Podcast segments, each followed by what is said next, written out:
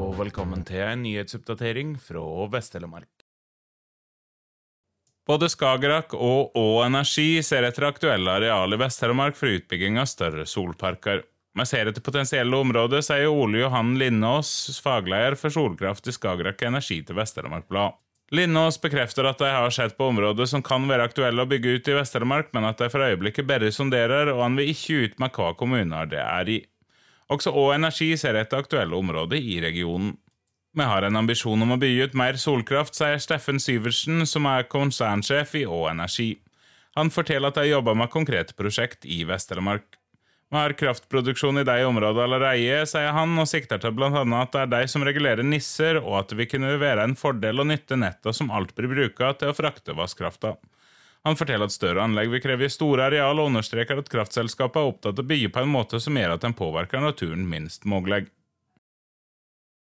En mann fra Arendal fikk bastant nei til konsesjon på en stor landbrukseiendom i Fyresdal da han ikke ville bosette seg der. Et samboerpar fra bygda får nå legge eiendommen som tilleggsareal til et småbruk på 18 dekar.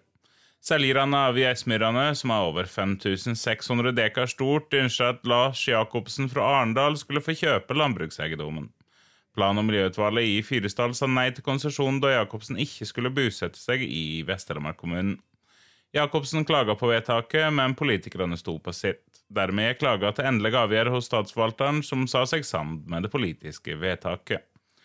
I et ekstra møte i plan- og miljøutvalget rett før ferien kom det fram at fyrestølene Anita Nygaard Moen og samboer Magne Risdal har kjøpt Geismyrane, som er et skog- og heieeiendom i tre deler sørvest for Kleivgrend. Taksten på landbrukseiendommen fra juni 2022 er på 3,6 millioner kroner, og kjøpesummen landa på snaue 4,5 millioner kroner.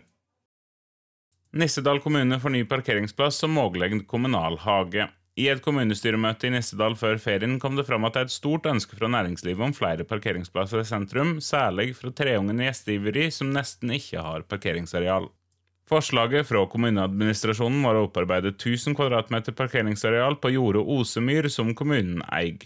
Planen var å få bort jord, så fylle opp med stein og grus før asfaltering. Prosjektet er kostnadsregna til 600 000 kroner uten moms, og politikerne vedtok tilrådinga. Etter det politiske vedtaket sier Geir Kristian Enger fra KrF til Vest-Telemark Blad at å få mer parkeringsareal var kjempenødvendig. På gruppemøtet vi hadde i forkant, nevnte Øyvind Tveit dette med restarealet på Osemyr og muligheter for å ha hageparseller der. Det gror jo bare at i dag er et stygt område i sentrum, sier Enger til Vest-Telemark Blad. I kommunestyremøtet fikk han full tilslutning for at kommunen må holde det resterende arealet på Osemyr åpe, eller greie ut mulighet for utleie av hageparseller.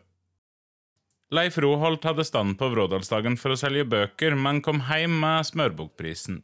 Konferansieren ba meg komme til sceneområdet, for han ville presentere boka han laga sammen med Birger Skipar om segn og soger fra Vrådal, forteller den spreke 82-åringen til Vest-Telemark Blad.